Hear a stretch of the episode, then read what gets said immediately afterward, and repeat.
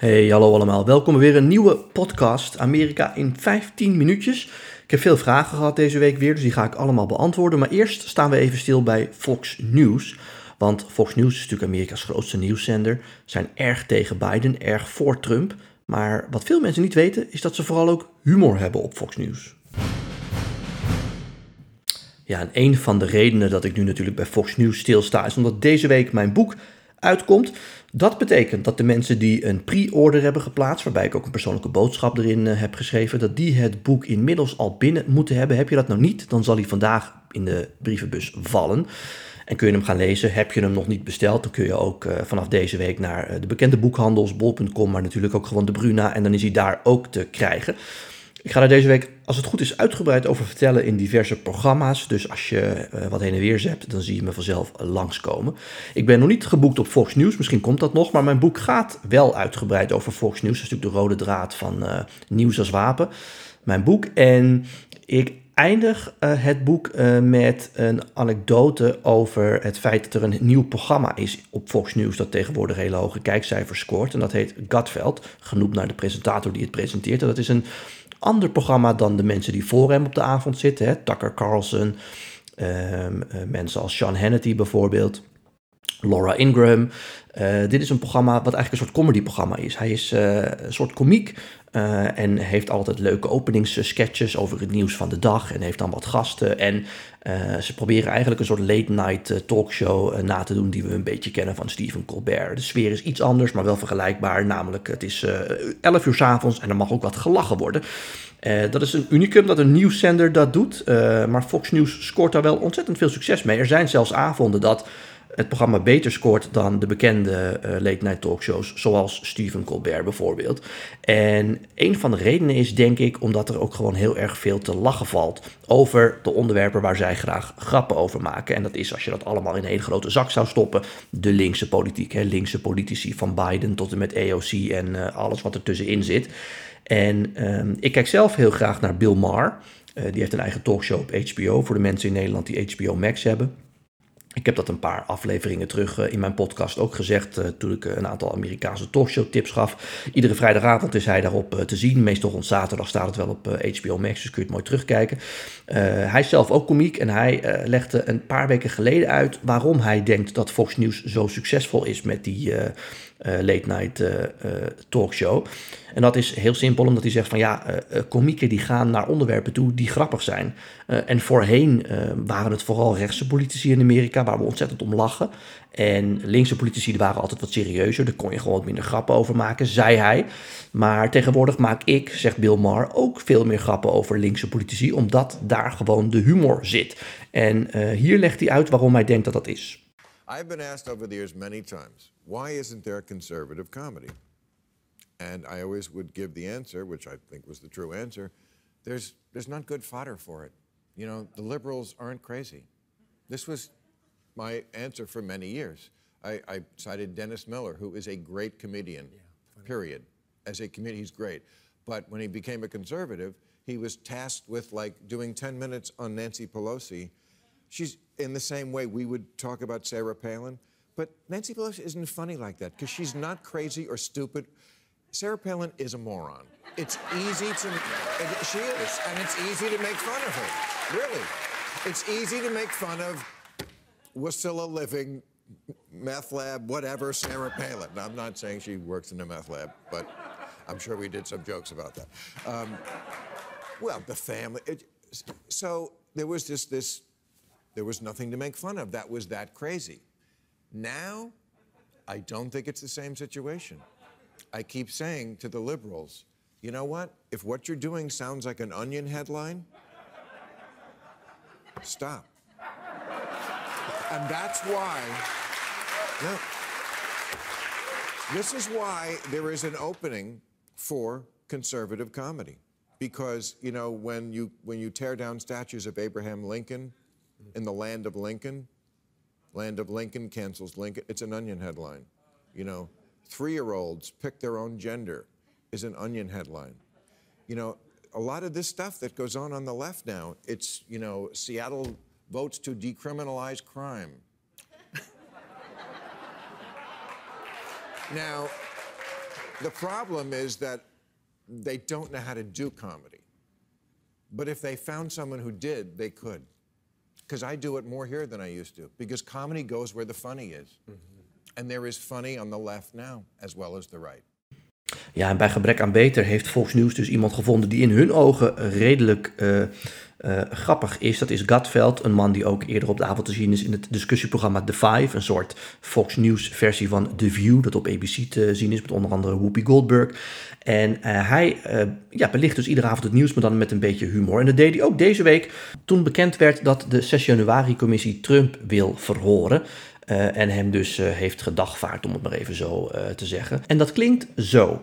But there's a shocker. Just 25 days before the midterms, the Jan 6 panel votes unanimously to subpoena Trump. That's about as surprising as the final score at a Harlem Globetrotters game. and it's about as spontaneous as Adam Schiff's face.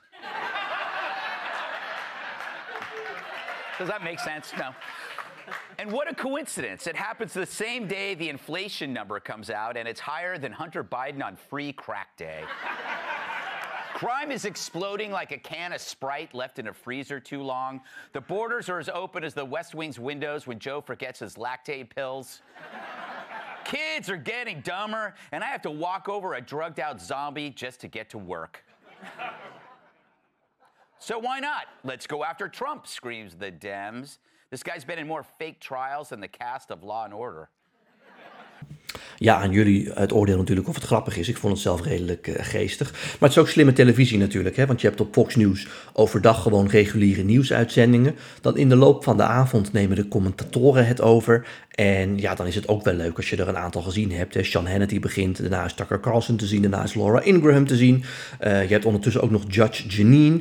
Ja, dan is het ook leuk om de avond misschien af te sluiten met een beetje humor. En dat doen ze dus heel erg slim. En mede hierdoor is Fox News niet alleen de best bekeken nieuwszender van Amerika by far, maar zijn ze ook een van de best bekeken zenders van Amerika. Als je echt kijkt naar welke zenders de meeste uh, kijkers scoren, dan zijn dat de grote vier commerciële zenders: ABC, CBS. Um, NBC en ook Fox, de grote entertainmentzender van Rupert Murdoch. Maar vaak komt op nummer 5 daarna al Fox News. Nou, vervolgens komen er heel wat andere zenders. Uh, en dan moeten we helemaal uh, gaan tellen tot en met de Hallmark Channel, die hele mooie uh, pompoenen films uitzendt deze tijd van het jaar. En daarna komt pas CNN. Dus het is ook gewoon een slimme televisiestrategie van Fox News. En wat Bill Maher zegt is waar. Funny goes where the crazy is. En die zitten ook voor een deel aan de linkerflank in Amerika. Ook op rechts, maar ook op links. Goed, tot zover. Dan naar jullie vragen die jullie onder andere hebben ingestuurd via Instagram en LinkedIn. En de eerste vraag die komt uh, van uh, iemand op Instagram. Is er überhaupt een goede opvolger voor Biden? Want ik heb niet veel vertrouwen meer in hem. Ja, uh, dat heb ik ook eerder gezegd.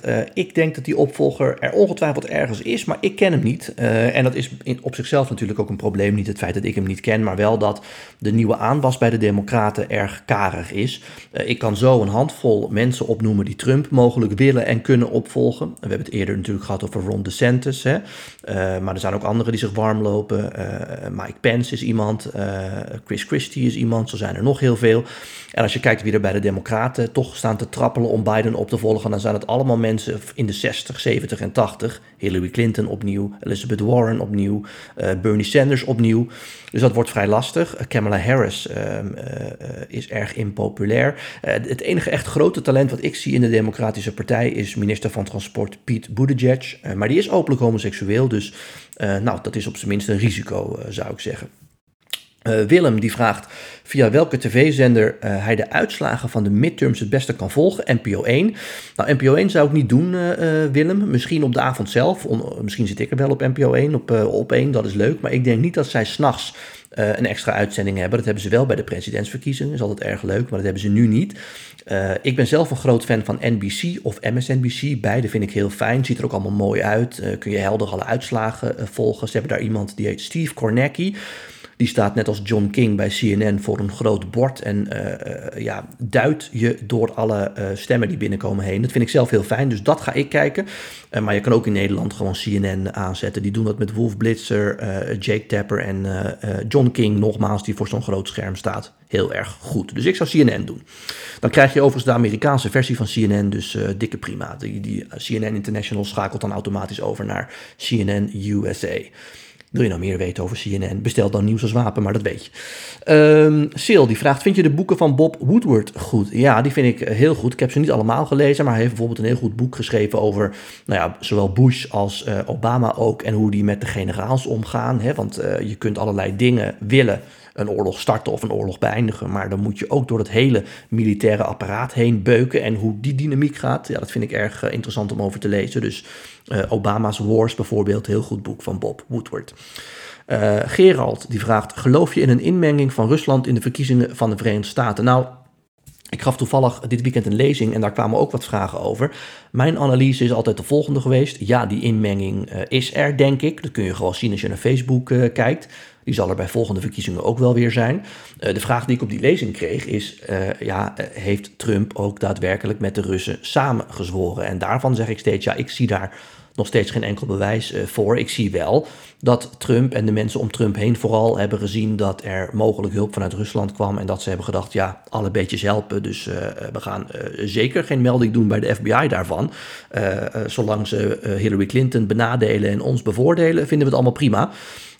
En dat kun je dan natuurlijk ook samenzweren noemen. Maar er is niet actief vanuit de Trump-campagne geprobeerd om met de Russen samen te werken. Althans, daar heb ik geen bewijzen nog van gezien.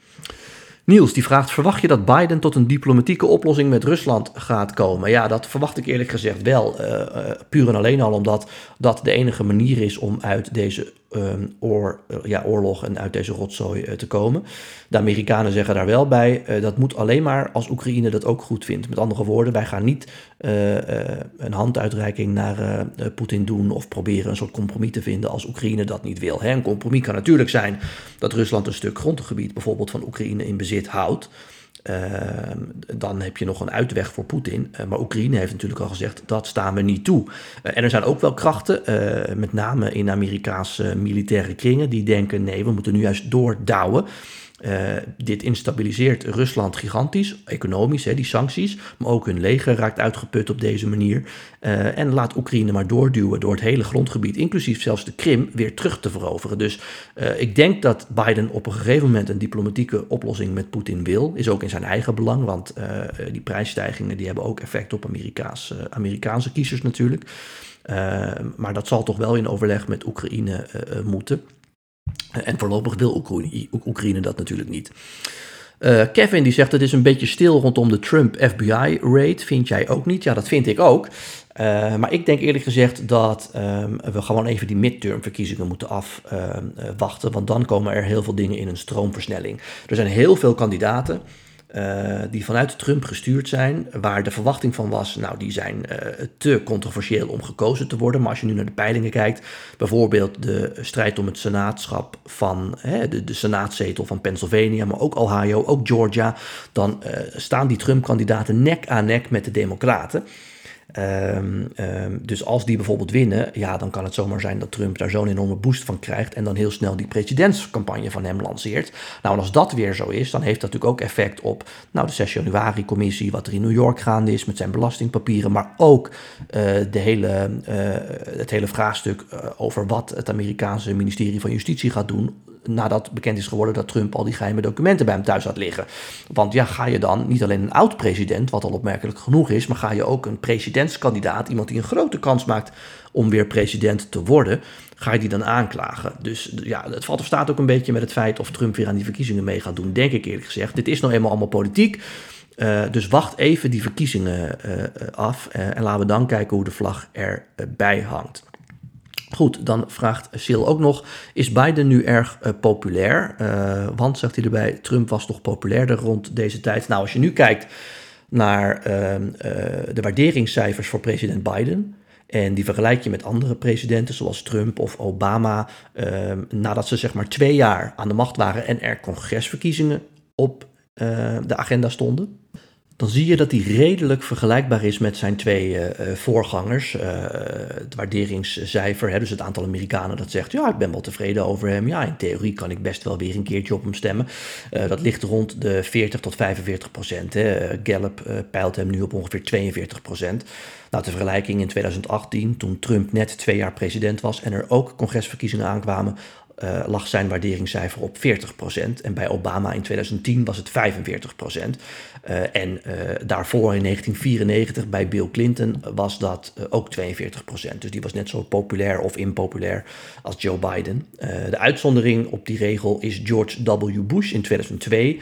67% van de Amerikanen vond toen dat hij het goed deed. maar dat kwam ook omdat we toen net uh, een jaartje na de aanslagen van 11 september uh, zaten. En na die aanslagen uh, steeg de waardering voor Bush naar een torenhoge 90% Dat daalde wel langzaam maar zeker, maar toen de tijd was dat nog steeds erg hoog. Dus over het algemeen kun je de populariteit van Biden wel vergelijken met die van zijn voorgangers. En uh, zowel Trump als Obama kregen toch wel wat klappen, die eerste congresverkiezingen. Dus ik verwacht nog steeds dat Biden die ook wel krijgt. En dat dus ook een aantal van die Trump-kandidaten toch gekozen gaan worden. Ja, en nogmaals, dan moeten we kijken wat Trump met die resultaten gaat doen. Waarschijnlijk gaat hij de successen claimen en die mogelijk gebruiken voor zijn herverkiezingscampagne. van kijk eens uh, hoe goed zij het hebben gedaan. Dat is allemaal dankzij mij. En nou ja, de rest kun je zelf invullen. En dan moet ik nog maar zien hoe het met al die vervolgingen gaat. Um, uh, als je echt vindt natuurlijk, hè, om even op die 6 januari commissie terug te komen, waar ik ook dat fragment van uh, Fox News van heb laten horen. Ja, als je echt vindt dat de president heeft geprobeerd om de democratie omver te werpen en uh, dat mogelijk opnieuw gaat doen, dan kun je dat niet over je kant laten gaan natuurlijk. Dus dan moet je hem wel vervolgen. maar dat heeft weer allerlei grote politieke consequenties. Dus ik heb het eerder gezegd, ik herhaal het nog maar een keer. Het is en het wordt een hete herfst in Amerika. Goed, tot zover. Hopelijk zie je deze week mijn boek in de uh, boekhandels liggen. Dan zou ik het leuk vinden als je er eentje meeneemt. Ook echt leuk cadeautje voor iemand anders. Hè? Mocht je een verjaardag hebben binnenkort. Uh, ik kan het aanwijzen. Of aanprijzen moet ik zeggen. Um, en voor deze podcast geldt. Blijf gewoon je vragen opsturen via Instagram, Twitter, LinkedIn. En dan grote kans dat ik hem in de volgende podcast beantwoord, die vraag. Goed, tot zover. Tot dan.